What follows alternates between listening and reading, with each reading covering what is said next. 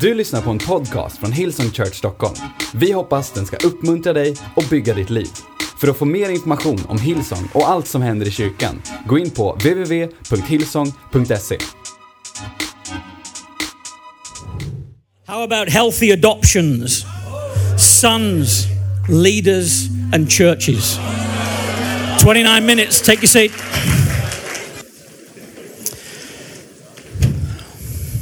We do it in every service and every opportunity, and rightly so, in terms of saying thank you to Brian and Bobbie because they're awesome and the best. Um, but if I do this right, I'm hoping that the next 30 minutes honors them as well for who they are and for what they've done. All four of our Aussie state pastors uh, get the chance to speak this week. I'm massively honoured to be obviously on uh, this platform. Three of those are sons of the house of many years, and I'm the adopted one. I'm the different one. I'm the most handsome, smartest, the only one with a POM accent. There's a few things about me that are clearly unique.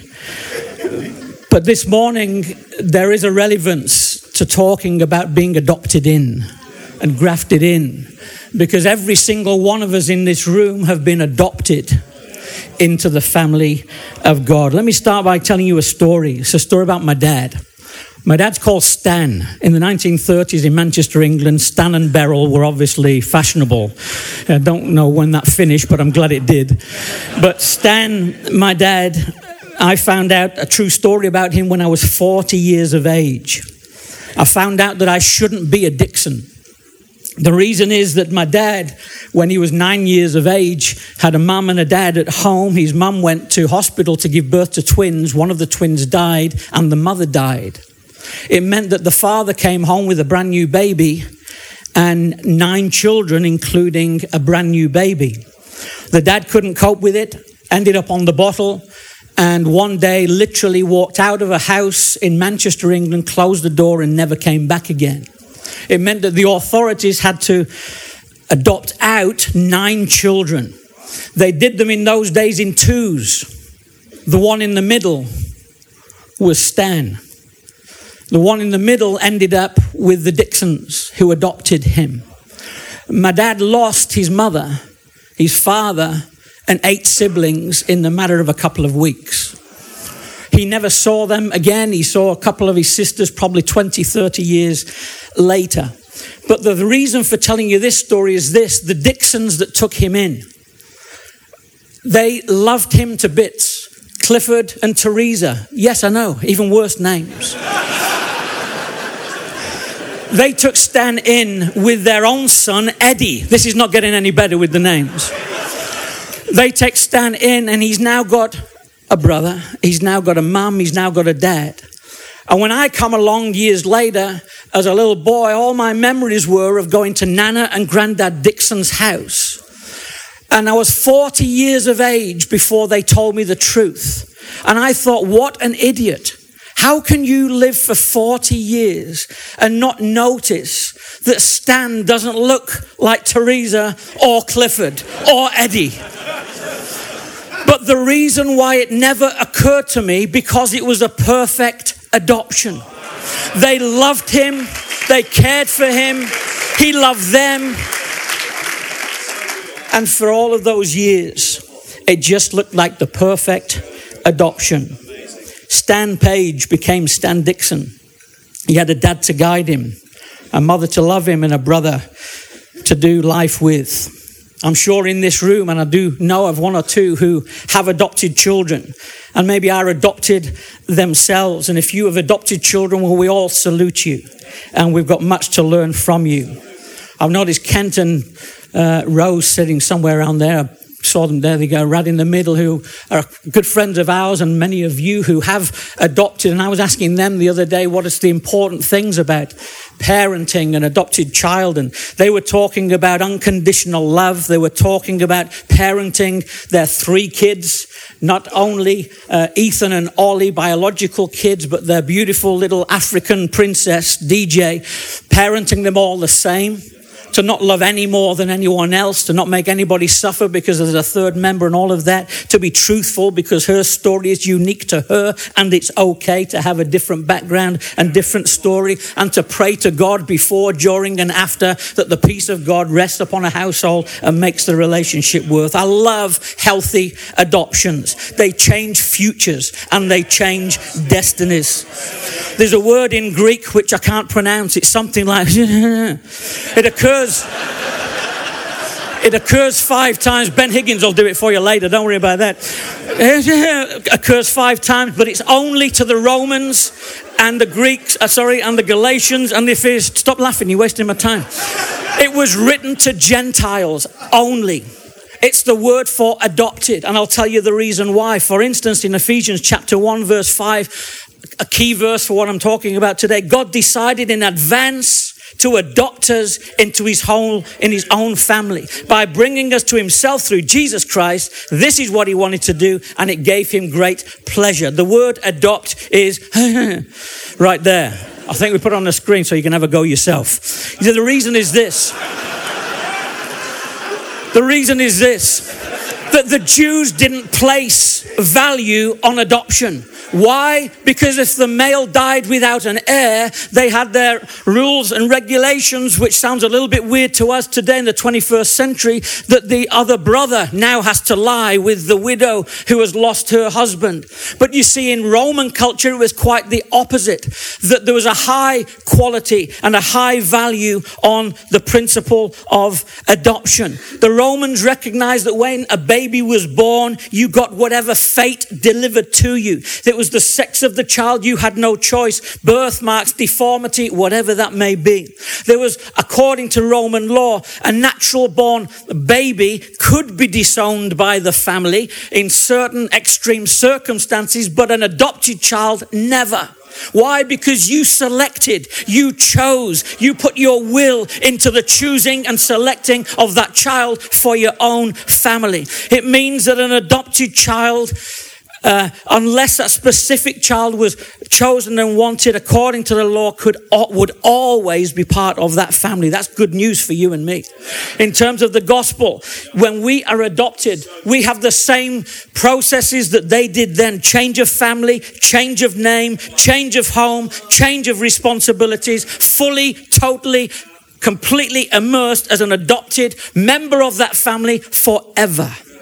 This is what Vine says the definition would be of adopted the place and condition of a son given to one to whom it does not naturally belong. Thank God for what he's done for us. 10 years, Brian referred to it, 10 years anniversary just three weeks ago. I think we've got an image of the weekend up there. 2009, Hillsong Church began in Brisbane and uh, in one location. And in 10 years, we've gone from one campus to 10 campuses. We've gone from two services to 28 services. 3.1 million people have attended those services, and 46,828 people have made a decision for Jesus. That's quite a ride. But listen to this. It's got so little to do with the adopted kids that were brought into the Hillsong family to do a role and play a role in Brisbane and in Queensland. It has everything to do with the selection and the, the bringing in and the grafting in and the adopting of parents who make choices and take risks and put people like us in places of responsibility and step into a whole family that we have never, we have never uh, had the right to be part of. And yet here we all are in this room today because God is good and we've got the best of leaders. Bobbie taught the other day, yesterday maybe, about the vine and the branches and, and the fruit, and that the fruit comes not directly from the vine and the source of life, but from the branches that are the ones that come from the very life source. John chapter 15, verse 4 says, Remain in me as I also remain in you. No branch can bear fruit by itself, it must remain in the vine. Neither can you bear fruit unless you remain in me. I am the vine, you are the branches. If you remain in me and I in you, you will bear much fruit. Apart from me, you can do nothing. I love what it says in the, the Passion Version, verse 4. So you must remain in life union with me, for I remain in life union with you. And there's a very good analogy right here of us belonging to this body of people, this church called Hillsong Church, for which we are all so grateful. And while we are the branches that are connected uh, intimately to the life source, the vine of who we are, the leadership and the culture and the core of who we are in essence. Then the life flows from the vine into the branches, and together we see the fruit that we're all seeing. But we cannot underestimate the necessity to stay part of who we are and who we belong to and give up the things that would take us to the left or to the right and just stay right on course with the people that we call to be with and do the right thing. If you align yourself with visionaries, you can see what you previously couldn't see. And I know exactly what that feels like. If you align yourself with people of faith and greater faith, you know that you are going to be inspired to be people who take the risks and have the faith to go forward in life. If you are around and connected to the anointing of God, an anointing of leadership, an anointing of faith, an anointing for church, an anointing for church growth, if you connect connect yourself and stay connected there. The very things that run through the vine run through the branches, and then together we experience much fruit. 2009, 10 years ago, I was 49. Joyce was years of age.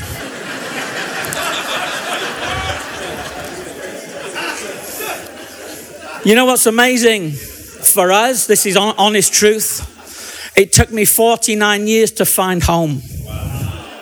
49 years to find church home, 49 years to feel. Now, this is what I'm talking about. These are my, I can, I can respect so easily the people around me, the Brian and the Bobbies and the so many others. And this front, second, third, and 25th row full of people that you can easily respect and honor. That's why to us, welcome home means more than you would ever think. And that is the truth for so many other people. Never forget the reality of what it felt like, not only when you were saved, you must never forget that, but also when the revelation came that you belong to the church of Jesus Christ and part of something powerful. And I'll tell you this Many of you have been part of this incredible church for decade after decade after decade, and I'm a Johnny come lately, but I'll tell you this I'm as much a part of this church as you are. And I'll tell you something else I always will be. Your roles may change. I might get kicked out of the role because I'm getting too old or too beardy or something like that, but I don't care where it is. I will end up in the Hillsong Church, wherever that may be, because this is my vine and my home. You may not be born in a house, but you can be adopted in a house. And I don't know who I'm speaking to here today, but there are absolutely people sitting in these rows this morning that you're still wondering whether this is home for you. I've come to tell you this is home for you. Welcome home. Open your heart. Say yes. Get stuck in.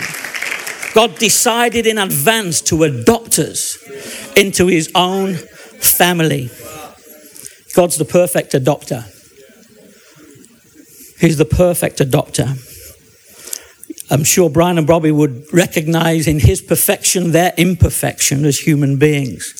But I've got to say, when you look at that verse, it says that God decided in advance to keep on adopting new people and new ventures. That's exactly what has been happening for these last 35 years or however long that's been.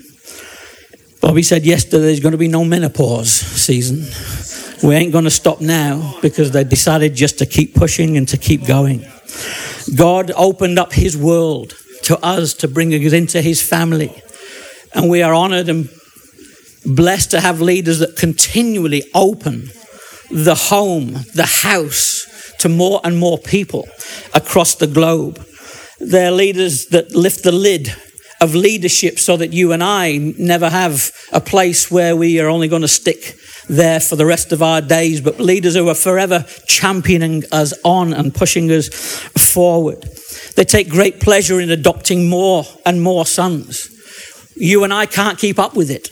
Try following social media for a week from these two, our senior pastors, and see the breadth of even just relationships that they manage. Bobbie, if you've watched her at Colour, all of us pastors, we all learned from Bobbie, was watching her on that platform on Colour. How do you make tens of thousands of people feel like they're sitting in your lounge?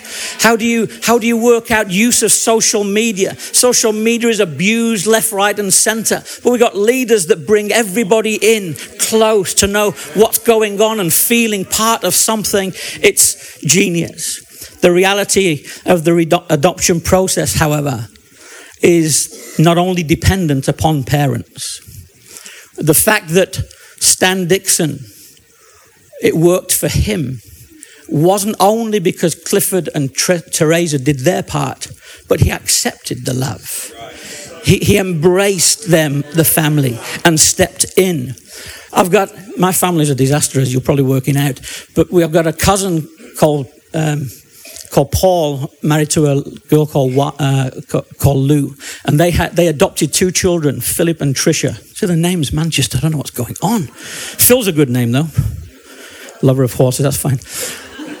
They adopted these two kids. Two kids, very sad background. They were literally in excrement as they were taken by the authorities from a house, been abandoned for a few days. So they'd had a traumatic beginning to life. And Paul and Lou, there is no doubt they they oozed love.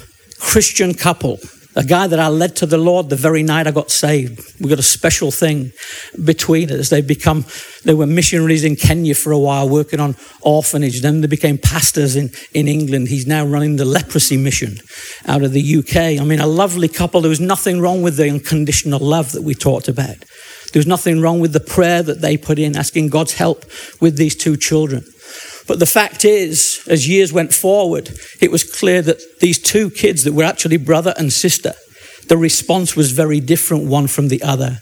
One embraced, one accepted, one was happy to belong, one was happy to, to carry the family name and be proud of it, and the other one just wanted to rebel, wanted to reject any bit of love that came near him. He stole from them.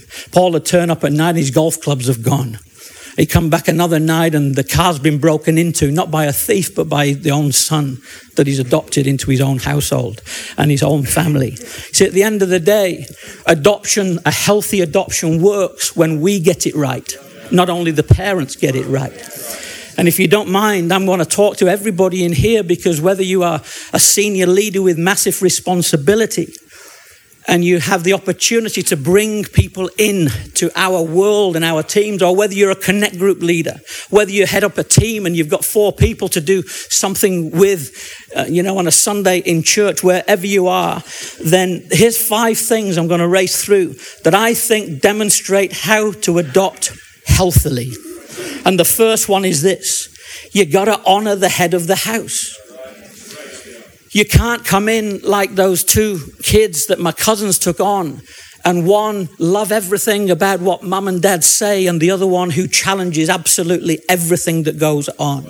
Uh, respect and an honoring of, of the head of the house is a good thing we kind of, great thanks to God, before Brian and Bobbie actually had their first kind of weekend and, and, and took on the church in Brisbane, I think we had enough wisdom to say to the board and the elders and everybody on teams listen, if Brian and Bobbie are the senior pastors, they're not the visiting pastors. It is their church from that day forward. We are all going to stand down. We're all going to step down. We're all going to resign and say, Brian, Bob, it's your church. You do what you want, how you want to do it, with who you want to do it. And by honoring straight away, it was one of the best decisions we ever made. It made life easy. Why? Because the answer was then always yes. If you're caught up with the why later, that's fine. But just let's get in this and let them lead and get on with the thing. That happens in a household. That needs to happen in, with children in, in a household. It needs to happen with citizens in a society. It needs to happen with people in our churches and our connect groups and on our teams. Just give leadership the chance to lead, empower up, and let them get on with it. Secondly, respect the culture of the house respect the culture of the house. We understood we were entering the world of Hillsong Church and Brian and Bobbie, not the other way around. And I think some churches nowadays, when they talk about mergers and they talk about takeovers and they talk about transitions, I think there's a very uh, obvious problem if the view right at the beginning is anything but that we are coming into somebody else's world and letting them be who they are already in our world. Mergers don't work. Mergers are trying to find compromise all over the place. So much easier to just say, lead this thing and culturally take us on the journey. We were stepping into 30 plus years of culture when we walked in. It wasn't this room, it was somewhere up in the mountains 10 years ago. What was that place called? Up in the, whatever. There. All right. No idea what they're saying on the front row. There's so many languages here. I don't know what's going on. It's like, how do you know you weren't even here 10 years? And so. I remember going up into this room and we were all quite nervous. There was 10 people from Brisbane. We didn't know what was going on. And, and feel for some of the guys over the last few years, you know, transitions, there's been a number in different parts of the world and you're not totally sure about what it's all about. And I've got to tell you, I can still tell you now what was spoken. I can still tell you now the atmosphere. I can still tell you now what Bobbie came up and said to us at the end of the first session. I can tell you and quote what she said. She was mother doving, she was pastoring, she was caring and making sure we were okay and understood what was going on. And you, we stepped into 30 plus years of culture. Rather than bringing our thing in, we stepped in to something else. And it's the smartest way to understand being part of a church, a connect group, a family, and adopted for whichever way you look at it. If you're coming on staff, it's the same deal. Don't come with your skills and your qualifications and say, I know how to do these things. Invest and sow in and say, Here it is, this is what I can bring, but tell me how you want this to work. Culture here has been forged and shaped through years of God experiences and leadership wisdom. It's a culture where the best person for the job is appointed, regardless of gender or of age, where a platform team are just as happy to be asked to preach or for someone else to preach. I didn't even know I was preaching this session till about two minutes before I stood up here because it doesn't actually matter. We're all ready for whenever that is going to be. And it's okay when it's not us and our turn to be. We have a staff retreat that can flip from the ridiculous and the fun and the outrageous to worship in 30 seconds. I don't think there's many culture, church cultures that can do that. A culture where Robert can be honored as the man of God one service and two hours later something else. It's a It's a culture where you're never too young. It's a culture where you're never too old. Thank you, Jesus. It's where we never stop pioneering. It's where we never gonna stop. It's where there's always more vision than resource. It's where I love our church. Don't try and change it. Get in the flow and be part of the culture and the church that we are part of. That's your church.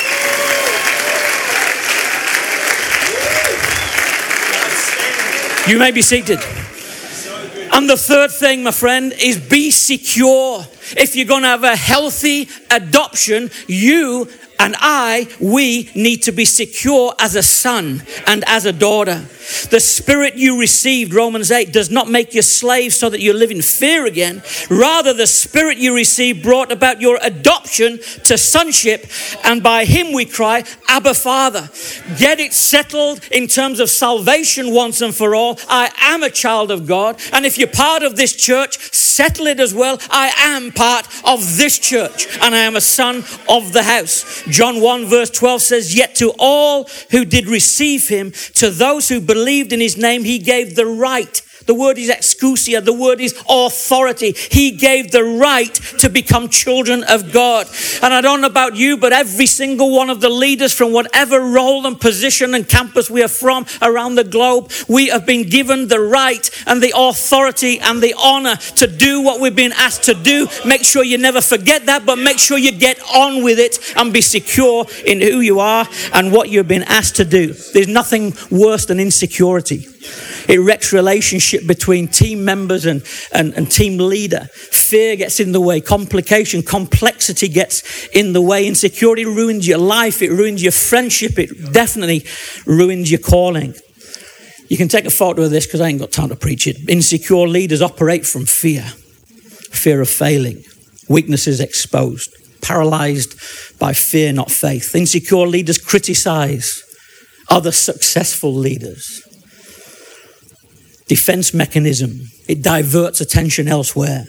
Insecure leaders cannot celebrate the successes of others because they are thirsty for compliments and uncomfortable giving them. Insecure leaders refuse to take personal responsibility.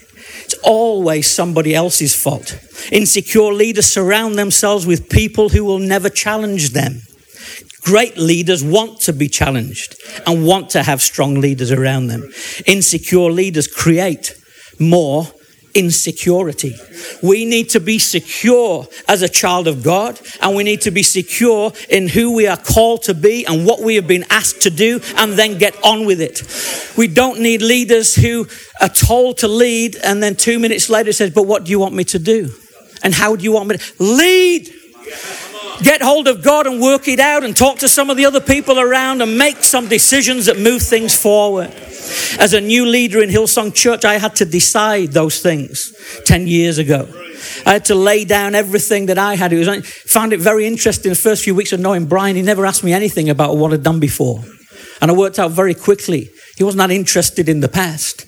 It's all about how he understood the present to be and what could happen in the future. We must, and I had to learn how to not compare myself to more experienced leaders.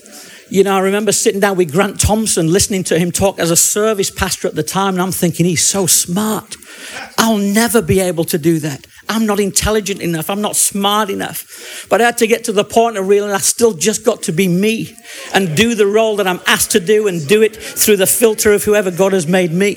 I also had to work out, and so do you, to never overestimate longevity. If somebody's been in the church for 40 years, it doesn't mean I have to be subservient and feeling like a piece of nothing because somebody's been around longer. If you are in a family and you are adopted, DJ as much as as much part of the Medwin family as the two boys that have been there for longer years. You and I, whether we have come to this church two years ago, two minutes ago, or 20 years ago, this is family and this is where we belong to. Two minutes.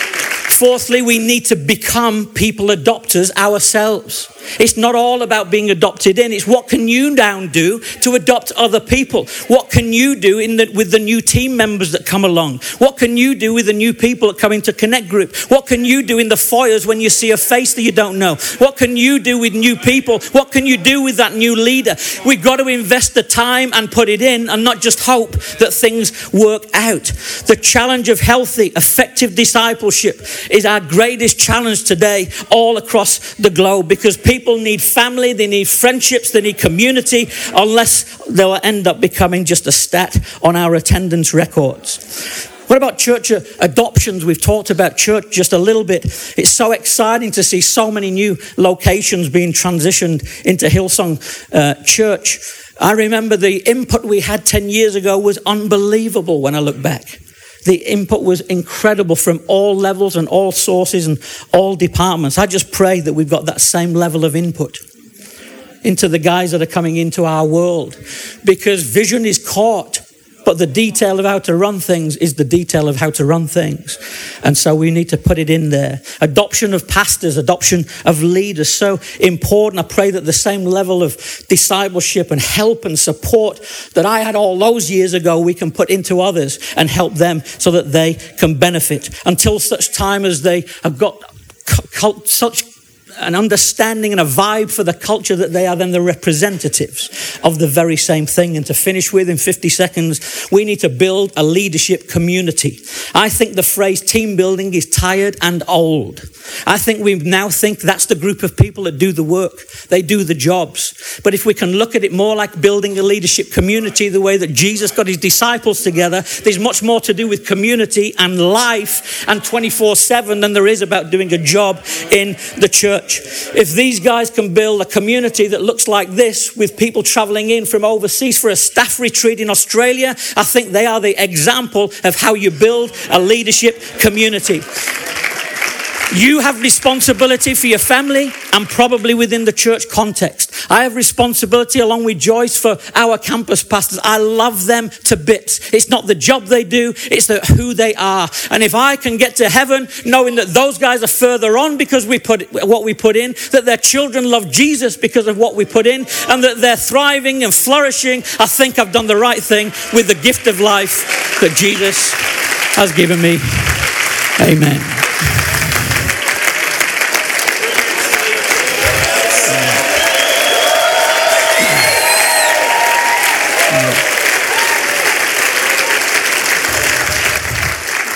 Lord, I pray that from this room you would enable a hundred percent of the people in this auditorium to know that they are sons and daughters, your son or daughter, but also sons and daughters of the house, that they would be secure in who they are. And from that standpoint, they can put into others and adopt others in and help the new believer and the new convert just the way, the same way as they would help a leader and somebody from overseas that is part of our world today. Lord, we thank you for this family. We thank you for Brian and Bobbie, and we love you, Jesus. Amen. Du har lyssnat till en podcast från Hillsong Church Stockholm. Om du vill veta mer om vår kyrka eller om våra söndagsmöten, surfa in på www.hillsong.se.